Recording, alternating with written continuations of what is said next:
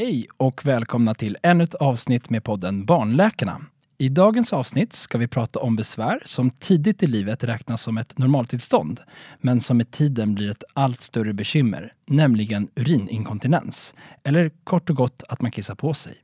Vi kommer prata om både daginkontinens och nattinkontinens, alltså besvär dag och nattetid. Idag har vi äran att gästas av barnnefrologen, eller barnnjurspecialisten Mattias Kogebrand. Varmt välkomna till Barnläkarna.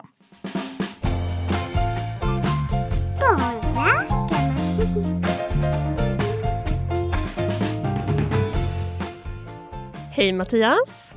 Hej Mia! Vi är både glada och tacksamma över att du är här med oss idag och delar med dig av din kunskap till våra lyssnare.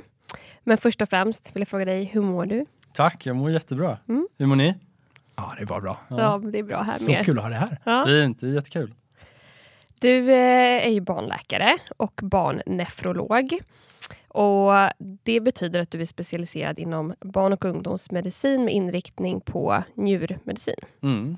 Och hur kommer det sig att du valde denna gren? Det är som, som för många andra tänker jag att det är lite slump. Men jag kände faktiskt, en, när jag pluggade, så kände jag en barnnefrolog som sen började jobba i London och nu är pensionerad. Men när jag eh, började här då på Saxka, då hade jag ingen tanke på att jag skulle ändå liksom hålla på med barndjurmedicin. Men, men den som då var överläkare i barndjurmedicin kände den här personen som jag då lärde känna under studietiden. Mm. Och, ja, du känner Kjell. Liksom. Ja, men du kanske vill hålla på med det här. Ja, kanske det tänkte jag. Och ja, på den vägen På var den jag. vägen, ja. Ja. Ja, det är häftigt. känns som att det brukar bli så, som att eh, man tänker en sak och så tänker man, ja, det här passar nog ganska bra. Mm. Ja. Ja, vi pratade om lite innan vi började spela in här också. Just hur man hamnar Ja. på olika spår. Så vi får se Mia, vad Ja. det blir för oss två. Ja, det blir Mm, bara det blir av oss. Men du, jag tänker att vi går in på dagens tema och börjar med frågan, vad är urininkontinens egentligen? Urininkontinens, vad är det? Det är alltså när, ofrivilligt urinläckage. Mm. När man, vi, man liksom man, man tömmer blåsan utan att eh, liksom vilja göra det. Mm.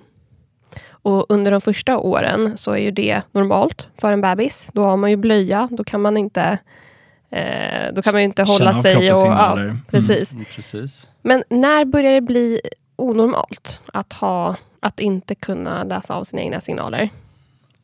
Ja, alltså man brukar säga att eh, 10% ungefär av eh, första klassarna kissar på sig antingen dag eller natt eller båda. Mm. Och sen minskar ju det liksom gradvis med åldern men även uppe i liksom de sena tonåren så finns det ju eh, någon procent som, med ungdomar som fortfarande har problem med urinläckage. Och när är det liksom onormalt? Ja, det är mer en definitionsfråga kan man säga. Mm. För det är fortfarande normalt om 10% gör det, men det kanske ändå är ett problem Mm. för Mm. dem. Och som ökar Barnen. med åldern också, både socialt och... Problemet blir större, precis ju äldre barnen blir. Mm. Absolut. Och framförallt är det ju jobbigt för eh, äldre barn, Mm. ungdomar. Och när, när är det dags att söka hjälp, tycker du? Um, om man tittar på liksom de riktlinjer som finns så är det ju liksom innan sex år så, så, så gör man ingenting kan man säga. Och, och jag skulle säga att det är även lite senare än så ska man nog egentligen vänta lite med att göra någonting för att jag tycker barn, det är barnets eh, mognad och önskemål Mm. som ska styra. Alltså om barnet vill, känner att jag tycker det här börjar bli jobbigt. Jag, jag vill bli liksom torr på natten eller jag, jag, jag vill bli torr på dagarna. Då börjar det bli dags. Mm. Men om du har en sju eller åttaåring som liksom är happy-go-lucky och inte alls förstår vad man pratar om när man säger du måste bli torr och Ja. sådär. Jag menar, då får det väl vara ett Ja. tag. För att många, många föräldrar är också oroliga för att kan det vara något farligt? Nå, någon sjukdom som liksom ligger bakom. Och det är extremt sällan. Eh, vi kommer säkert prata om det, Mm. det finns några varningssignaler och sådär. Eh, men, men liksom i de fall, in, i de allra, allra flesta fall så är det liksom ingen brådska med att sätta in behandling. Nej. Och jag tänkte först att vi skulle dela upp lite grann med eh, daginkontinens och nattinkontinens. Alltså dagbesvär och nattbesvär. Mm. Och om vi börjar med just alltså att man kissar på sig nattetid. Okej. Ehm, då tänkte jag just höra, vad, vad orsakas eh, det av? Mm. För, förr i tiden så trodde man ju att det var liksom psykiska, och det, för det lever kvar lite, det är därför jag nämner det. Okej. Att, att liksom det finns en del, att det var liksom psykiska problem hos barnen som, som gjorde, det var Freud tror jag som, som Mm. liksom började med det där och tänka i de banorna att det är olösta konflikter inombords som gör att man kissar på sig på natten. Men, men så det har man liksom helt släppt då. Mm. Utan det som är det man tror att det beror på, eller det man liksom, så långt man vet i alla fall, så har man hittat tre faktorer som samverkar i olika grad. Och det är att eh, man kan, en del barn har en liksom lite orolig urinblåsa som vill tömma sig ganska snabbt. Den rymmer inte så mycket urin och, och behöver kanske tömma sig en gång under natten då. Eh, och det, kallas för, det brukar vi kalla för överaktiv blåsa. Just det. Och då, de barnen har ofta också problem på dagen då. Mm. Eh, sen, sen så eh, är det en del barn som producerar väldigt mycket urin under natten. Mm. Eh, norm, I vanliga fall så drar man ner liksom på urinproduktionen. Och ja, helt enkelt för att man ska slippa springa upp och kissa. Mm. Men det är inte alla, alla barn gör inte det. Inte alla vuxna heller för den delen. Eh, och då eh, behöver man också gå upp och kissa. Och har du kombinationen överaktiv blåsa och mycket urin under natten, då, Då kanske du det måste, ja då blir det Mm. ännu mer problem. Mm. Sen är det en tredje sak som alla barn då har som är kissar på sig på natten och det är att de sover väldigt djupt. Mm. Därför att eh, det är rätt vanligt att, att man behöver, alltså för barn också, Mm. att de behöver gå upp och kissa på natten. Mm. Det är helt okej. Det är liksom, det, det kan de få göra, det gör ingenting. Och det är inte säkert liksom föräldrarna knappt vet om det. Men problemet blir när de då behöver det, men sover så himla djupt så de vaknar inte av att vara kissnödiga. Mm. Just det. Mm. Och det där är det som sen brukar växa bort mest. Mm. Alltså att man, det är väldigt få liksom vuxna som sover så där djupt, eller hur? Mm. Verkligen. Mm. Ja, verkligen. Man hade nästan önskat att man fick sova lite djupare Så- när man är vuxen. Ja, precis. Sova som ett barn. Och vi kommer ju komma in på det lite när vi pratar sen om behandling med just när man kissar på sig nattetid. Men just eh, de här barnen som har besvär nattetid, hur ofta skulle du säga att man även ser besvär dagtid?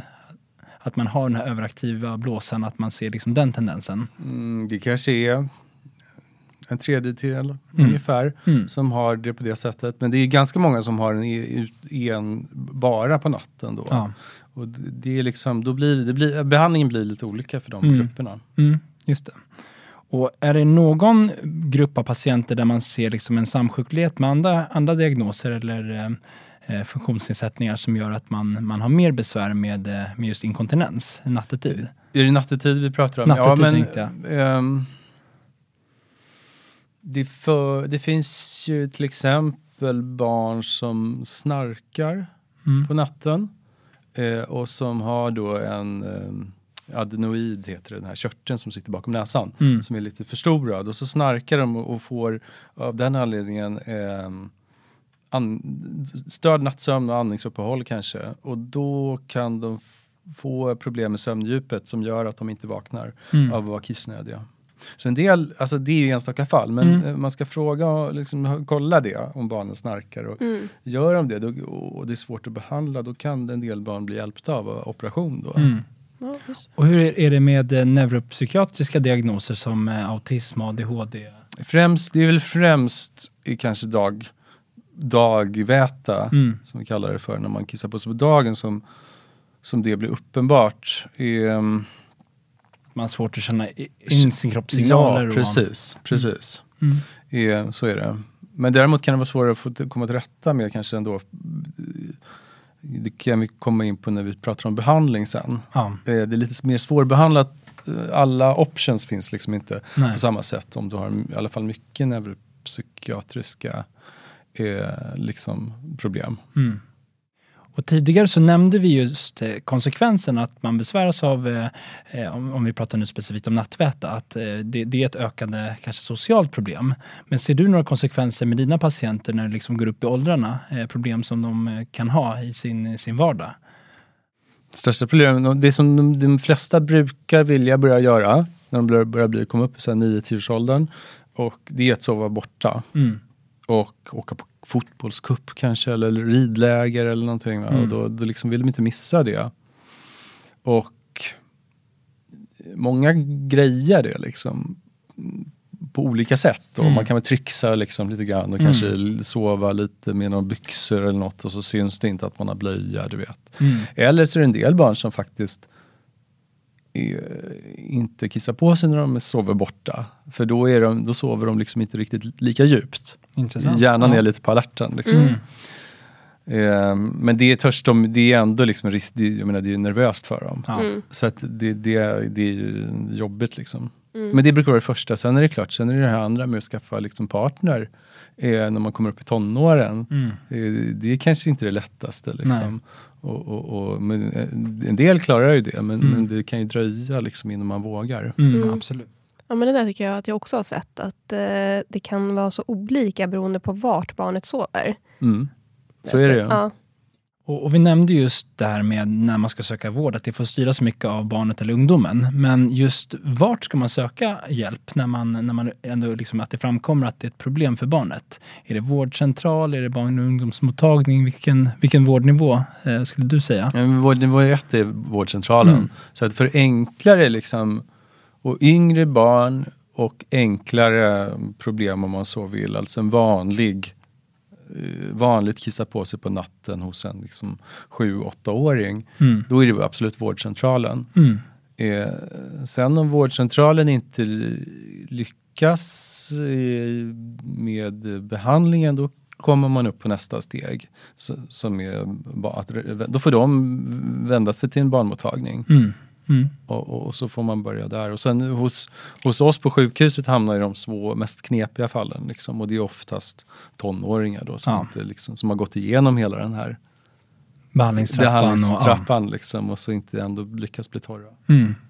Och hur ser, vi pratade lite tidigare att det sällan beror på någon allvarlig sjukdom när man besväras av dag och nattväta. Men om det kommer på just nattväta, är det några liksom, diagnos, diagnostiken när man söker eh, vård för det här? Mm. Hur, hur brukar det se ut? Eh, eller, häng med, vilken- om diagnostiken? Ja, alltså just hur, vad man gör för typ av vad, vad utredning. gör, vad man gör som, ja. ja. man behöver oftast inte göra den så mycket. Om, om man tycker att det låter, det här låter precis som en vanlig liksom, nattväta. Mm. Sen finns det en del, liksom, och, utan då är det att eh, anamnesen och man gör ett enkelt liksom, kroppsstatus, behöver inte ta några prover, behöver inte göra någon röntgen. Nej. Eh, sen finns det en del liksom, varningssignaler, eller vad man ska kalla det för, liksom, att okej, men det här kanske inte är en vanlig nattväta. Och det Ska vi ta upp dem och Ja, passa om du på på en gång? alltså. Ja. Ja. Och där är det just, eh, och vilka varningssignaler är sånt som du verkligen flaggar efter, som, eh, som du eh, reagerar på, som man ska vara uppmärksam på inom vården? The red flags och Ja. alarmsymptom. Um, jag menar, ett barn som har varit jättepålitligt nattorr och så plötsligt bara börjar kissa på sig. Det behöver inte vara något farligt eller någon allvarlig sjukdom. Det kan vara något så enkelt som att barnet har blivit förstoppat eller någonting. Mm. Men det ska man ju ändå liksom utreda lite noggrannare. Mm. Eh, eller om barnet börjar dricka väldigt mycket Mm. och därför liksom också börjar kissa mer under natten. Mm. Om man tänker liksom diabetes. Då kan man tänka diabetes eller njursjukdom Mm. eller någonting sånt. Ehm, om man har andra symptom samtidigt. Mm. Alltså du har, du, okej det- mitt barn har börjat kissa mer på natten och börjar bli trött och hängig på dagarna. Mm. Eh, då är det ju också Mm. något, eh, så med vanliga barn som har bara nattväta, de är ju helt friska och pigga. Mm. Liksom. Mm. Jättebra. Poängtera det. Mm. Precis, att det inte är bara en isolerad nattväta. precis. Mm. Och sen om vi kommer in då på behandling, eh, behandlingsalternativ för de här barnen med eh, specifikt nattväta. Mm. Då, är det, då får man i första hand ehm, ha, då brukar vi liksom låta barnen och familjerna välja mellan två behandlingsalternativ. Mm.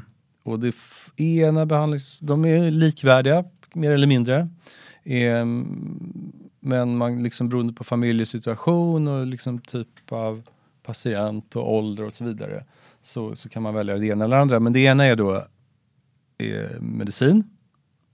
Och där kan man gå i olika steg sen, men med, den första medicinen het, heter Desmopressin. Och det vanligaste namnet som finns på apoteket och det är Minerin. Mm. Och det är en medicin som man tar till natten. Mm. Eh, Det andra är, eh, behandlingsalternativet då, som vi presenterar är eh, larmbehandling. Mm. Där- För, för de som sover tungt då? För de som sover Ja. tungt så ska de med hjälp av det lära sig att vakna Mm. av att vara, av att, liksom när den här kissnödighetskänslan kommer. Och där finns det ju olika typer av sådana här kisslarm eller enureslarm Mm. som, med olika sändare som reagerar på, på fukt. Yes. Det finns ju såklart olika sorter som man får diskutera fram. Och just den här medicinska behandlingen kan det vara bra att berätta att den verkar just på de här eh, överproduktionen av kiss nattetid. Ja. För det är ett hormon som kroppen normalt sett ska producera som minskar urinproduktionen. Eh, och, och det ska normalt sett öka under, under natten. Då. Men hos, de, eh, hos barnen som har en ökad produktion så kan man väl ha en, en minskad eh, mängd eller minskad produktion. Mm. Och så är det. Och de har ju större, alltså om, du, om, man, om föräldrarna säger så här, ja det blir liksom sjöblött på Mm. natten. Det är liksom, man vet, fattar inte hur mycket kiss som kommer. Nej. Då, då, är det ganska, då är det antagligen en ganska bra effekt med menin. Ja. Medan om de säger ja man kissar på sig varje natt men det är inte så mycket liksom. Ja men då kanske det inte minerin egentligen, man kan ju prova det men, Mm. men, det är inte, man har lite tanke i bakhuvudet att ja men okej det kanske inte egentligen är den mest optimala behandlingen. Och är det några patienter som inte ska ta Menerin när det finns några eh, kontraindikationer för att ta läkemedlet som, eh, som du tycker, nej men här ska vi nog vara Ja, lite men försiktiga? Det, det viktiga med minerin det är att man måste hålla något, alltså att man inte får dricka för mycket Just eh, det. på kvällstid. Därför att i princip kan man bli vattenförgiftad för kroppen Mm. kan inte riktigt göra sig av med det vattnet som man dricker under kvällen.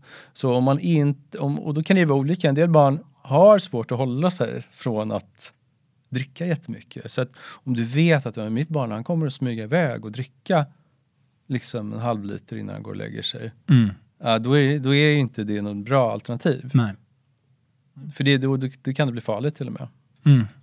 Och det brukar man ju gå igenom när man sätter in Minerin, eller hur? Mm. Men de patienterna och föräldrarna brukar få en lista med att vid den här tiden så tar du medicinen och vid den här tiden slutar du dricka. Exakt. Så, att det verkligen Och är en del, tydligt att och en del inte... föräldrar säger ju då så här, ah, men det där kommer, det kommer inte gå liksom. Och då, så de, de känner ju sina barn. Ja.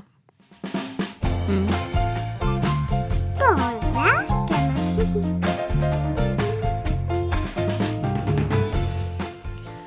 Men du Mattias, om vi går över till eh, daginkontinens. Nu har vi pratat om Mhm. nattvättan.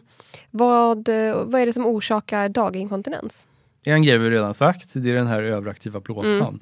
Mm. Eh, De som har det måste ju, för att hålla sig torra, de måste gå och kissa oftare än vad deras liksom, kompisar i samma ålder behöver göra. Mm. Och i vissa åldrar kan det vara liksom jättebesvärligt att typ hinna med. Mm. Eller man kanske tycker att nästan att man struntar i det för det är så jobbigt. Man vill inte avbryta det man håller på med och så. Så men det är en orsak. Och, och, och det där brukar ju hänga med. Den här överaktiva blåsan brukar ärligt talat inte riktigt försvinna med åldern. Men man lär sig hantera det. Mm. Och liksom gå på toaletten tillräckligt ofta. Ja.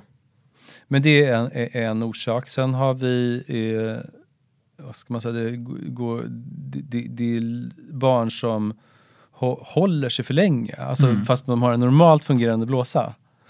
Eh, de kanske bara går och kissar tre gånger om dagen. Och då liksom blir ju blåsan för full till slut. Och det nästan typ rinner över. Eh, och Gleskissarna. gleskissarna och det är oftast då yngre barn som eh, kanske, du vet man, har, man är inte så jätteintresserad av att gå på toaletten. Nej. Roligare att Ja, vara det finns, ute och det leka. finns massa saker som är roligare. Liksom. Och pinsamt i Det skolan. mesta kan man säga är roligare. Ja. Ja. Och det är väldigt tråkigt när föräldrarna tjatar. Mm.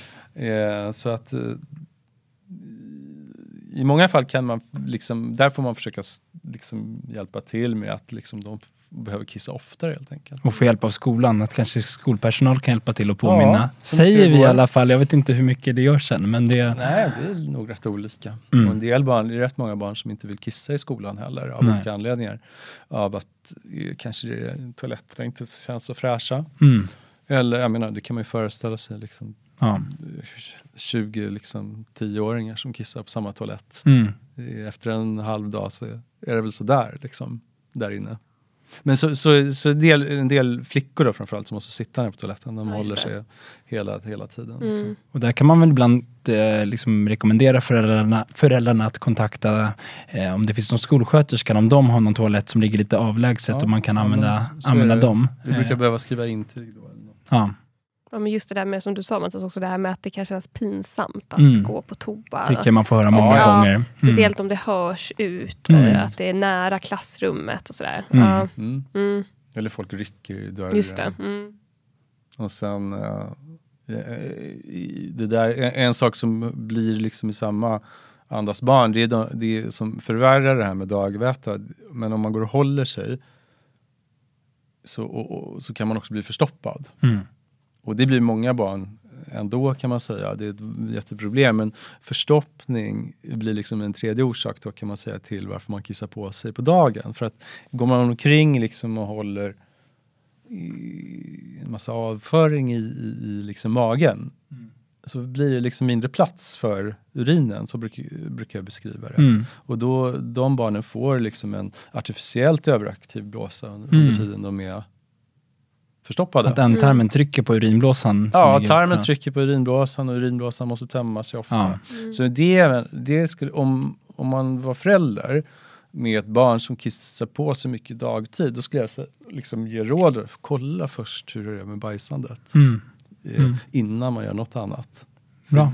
För det är liksom, det, ja, Verkligen. Jag- För jag tror att det är många som inte tänker på det. ja. Man Det tänker så- ju såklart bara på just att det är kissandet. Men Mm. så glömmer man att just det, har ju kanske inte bajsat eh, som vanligt sista tiden. Mm. Och det är ju också så när barnen kommer upp lite i åldrarna så, så är det inte lika roligt att prata kiss och bajs med, med mamma och pappa. Och det, det tycker jag många gånger man märker att föräldrarna har inte helt koll. Nej, man får Det går väl bra. aktivt Ja, eftersöka som det heter. ja nej men precis. Mm. Okej, så nummer ett, att man har överaktiv blåsa. Nummer två, att man är gleskissare. Nummer tre, att man kan ha en underliggande förstoppen då. Ja, är det något mer? Ja, men om vi säger, sen är det klart att det finns en del barn eh, i den här gruppen som ändå har eh, kanske någon mer liksom allvarligare sjukdom eller hur man nu vill uttrycka det. Mm. Så, eh, alltså att man har någon, och de blir ofta väldigt svårbehandlade och till slut så liksom tar man reda på vad det är. Men det kan ju till exempel vara då att man har någonting i ryggmärgen som gör att nerverna till urinblåsan inte fungerar som de ska. Just det. Mm. Det, men det är en ovanlig grupp och det, brukar, det, det, det, det kommer man fram till så småningom. Ja. En, en, en grupp till finns det faktiskt, eller en delförklaring. Mm. Och det är barn som har svårt att slappna av när de sitter på toaletten. Mhm. Ehm, så de liksom knip, alltså de kan inte, de vi brukar kalla det de kniper när de ska kissa. Mm. De kissar Mm. samtidigt som de liksom rycker liksom i bäckenbotten och de liksom kniper av strålen och sådär. Så de blir ingen avslappnad. Mm. De kissar liksom inte avslappnad. Då blir det svårt att tömma blåsan. Mm. Så går de omkring med lite halvfull blåsa hela dagarna. Och så ja, blir det inkontinens. Just det. Mm. Vad kan man göra åt det då? Eh, då måste man, då ska man, alltså, det första man gör då det är att titta på hur sitter barnet när de kissar. Eh, finns det liksom eh, stöd för fötterna? Sitter de eh, rakt, liksom, kan de sitta rakt upp? Ibland är ju toaletterna helt för stora helt enkelt. Och det, när man sitter och dinglar med fötterna, Mm. det är inte så lätt att Nej. kissa då. Eh, utan man ska ha en pall, du vet, så här, vid, vid fötterna. Och för en del barn är det bra att sitta tvärtom, att man liksom gränslar är toaletten är, och liksom lutar sig mot toalettstolen helt enkelt. Okej. Mm. Ehm, så det är det ena. Och sen, så, och sen om det, det inte hjälper, trots att man har bra sittställning och det är lugn och ro. Alltså det gäller ju också att man ska ha lugn och ro. En del barn har ju så bråttom när de går på toaletten. Så, så, så, att utan de kanske får sitta och läsa någonting eller något. Mm. För, för att det ska ta den tid på Mm. sig som de behöver. Mm. Men om inte det hjälper då finns det liksom eh, hos uroterapeuter som det heter, sköterskor som är eh, experter inom eh, urinblåsproblem. Eh, sätt att liksom lära sig slappna av ordentligt under en, en kissning. Mm. Jag tänkte faktiskt att metoder. vi skulle komma in på just uroterapi Ja. eh, senare, men vi kan ju ta det nu. Vad, vem, Vad är det? Ja, vad är det? Det är, kan man säga, icke... Alltså behandlingsmetoder för att eh, ta hand om eh, patienter, det kan ju vara både vuxna och, och barn, eh, som har problem med kissandet, med metoder som inte handlar om läkemedel, utan eh, beteende metodik skulle man kunna säga, att man liksom lär sig att kissa på som jag, en sak som jag nämnde nu då med att man lär sig att kissa avslappnat. En annan stor grej är ju att kissa i, liksom re, bra, vid bra tidpunkter. Till lagom ofta och lagom regelbundet. Och det, det, Kan man säga någon tid där? när- Vad, vad är lagom ofta om man Ja, det- har de här det- besvären? Det, det, man vi brukar börja med att rekommendera varannan till var tredje timme. Så, så det är liksom ett sätt för barn som kissar på sig som man misstänker håller sig för länge. Testa och kissa liksom på schema. Kan vara rätt utmanande kan man säga Mm. för, för, för liksom en del barn att lära sig. För de är så vana med att bara gå och kissa när man är super, super kissnödig. Mm. Så ska de börja kissa när de inte är så kissnödiga bara för att liksom klockan är, har gått så mycket. Mm. Men, men det är ett sätt liksom att träna sig. Men då är det var, varannan till var tredje timme ungefär börjar man med. Mm. Mm. Så får man se om det Mm. är lagom. Om man nu har daginkontinens, vid vilken ålder tycker du att man ska ändå säga, men nu, nu är det dags att söka hjälp? Det är ju också precis med för nattvätan Ja. lite beroende på mognadsgrad Ja. Mm. kan man säga. Eh, um, det brukar vara så att föräldrarna liksom faktiskt söker hjälp of- tidigare än att barnet är intresserat. Mm. eller är så oroligt. De är liksom, man kan vara orolig, vilket är helt rimligt. Va? Man, man kan tänka sig att barnet ska bli retat för att det kissar på sig i skolan. Ofta kan det vara de som innan de ska börja skolan kanske. Mm. Men, men eh, vår er- erfarenhet är att det är väldigt sällan som det är så stor vits att hålla på kämpa så mycket med en sexåring Mm. sjuåring kanske också. Eh, för de är själva inte så intresserade. Och, och dessutom så är barnen i den åldern, deras kompisar, väldigt liksom överseende kan man säga. Det är knappt att de märker liksom Ja, det. själva. Mm. Ja. Utan någon gång där i 8-9 års åldern skulle jag säga är det vanliga. Det är väl en bra riktlinje. Mm. Och behand- eller förlåt, utredningen eh, av daginkontinens, ser den likadan ut som för nattväta? Eller ser den Man annorlunda kanske gör ut? lite mer utredning och tittar på um, alltså, utredningen är fortfarande ganska basal ska man säga. Man kan göra det liksom på en vanlig barnmottagning. Eh, men att man tittar över, det viktigaste skulle jag vilja säga, det är att man tittar över hur kissar barnet egentligen på dagarna. Och det kan man ofta inte få fram bara genom att fråga. Det är rätt svårt att komma ihåg. Om, om liksom, tänk själva hur många gånger kissade du igår? Liksom. Det, det vet Ingen man aning. inte. Nej, nej. nej, det kommer man verkligen inte ihåg. Nej, så då måste man, eh, man måste be föräldrarna fylla i, hålla koll på en dag, barnet, och så liksom markera varje gång den går och kissar. Kissdagbok. Ja. Kissdagbok Ja. kallar vi Ja. för. Ja. Precis. Och då, då får man ett bra liksom, facit på hur, Mm. ofta, hur ofta är det det ser ut egentligen. Mm. idag. Mm. Då kan man bli rätt förvånad också. Helt Plötsligt, jaha, det är liksom ingenting här under den och den tiden. Då är det inte så konstigt att kissa på dig. Liksom. Så man hämtar såklart information och frågar barnet och föräldrarna hur kissmönstret ser ut. Man eh, använder sig av kissdagbok. Är det något annat man gör i, som en led, Ja, som men ett led i utredningen? Vanligt allmänt status som det Ja. heter, är en kroppsundersökning. Ja, Och då är, tittar vi, till exempel som jag sa, att man kunde ha problem med rygg, eh, ryggen, så man tittar på ryggen och ser så att den, det ser normalt ut. Man testar liksom känsel och reflexer i benen då, för att benen är det som är, är, de nerverna är de samma. De nerverna som går till benen är de samma som går till urinblåsan. Mm. Och så liksom känsel och, och, och så i liksom ljumskar och, Mm. och så för att testa nervbanorna. Tittar efter, frågar och tittar efter förstoppning. Just det. Det kan man göra med ultraljud till exempel. Mm. Och, gör, man någon gör man i regel någon form av röntgen? Kanske inte i första läget. Nej. Det beror lite på vad man får för, annan, för, för liksom his, sjukhistoria. Mm. Men om det låter som att okej, men vi kanske kan testa först då, vad som händer om vi ökar på antalet kissningar på en dag och kör lite mer regelbundet. Då är det en vanlig strategi. Och först när liksom man in, inte de här vanliga då eh, beha, behandlingsstrategierna fungerar, då är det dags att göra röntgen. Och blodprover, är det något som man gör i första, i första mötet eller tar man det också senare? Nej, det är inte så mycket blodprover. Nej. Urinprover är Ja, i sådana fall. Att man tittar att det ser bra ut, att man inte går omkring med någon urinvägsinfektion eller så. Mm. just det. Är det någon annan liksom, fråga från föräldrar eller någon annan kunskap som du tycker att våra lyssnare liksom bör känna till? Någonting många föräldrar frågar om eller som är bra att känna till just när det kommer till urininkontinens? Ja, men det som är bra att känna till det är väl att eh, jag, tycker, jag har ju sagt så här, man ska inte börja för tidigt med behandling, man ska inte vänta för länge heller. Mm.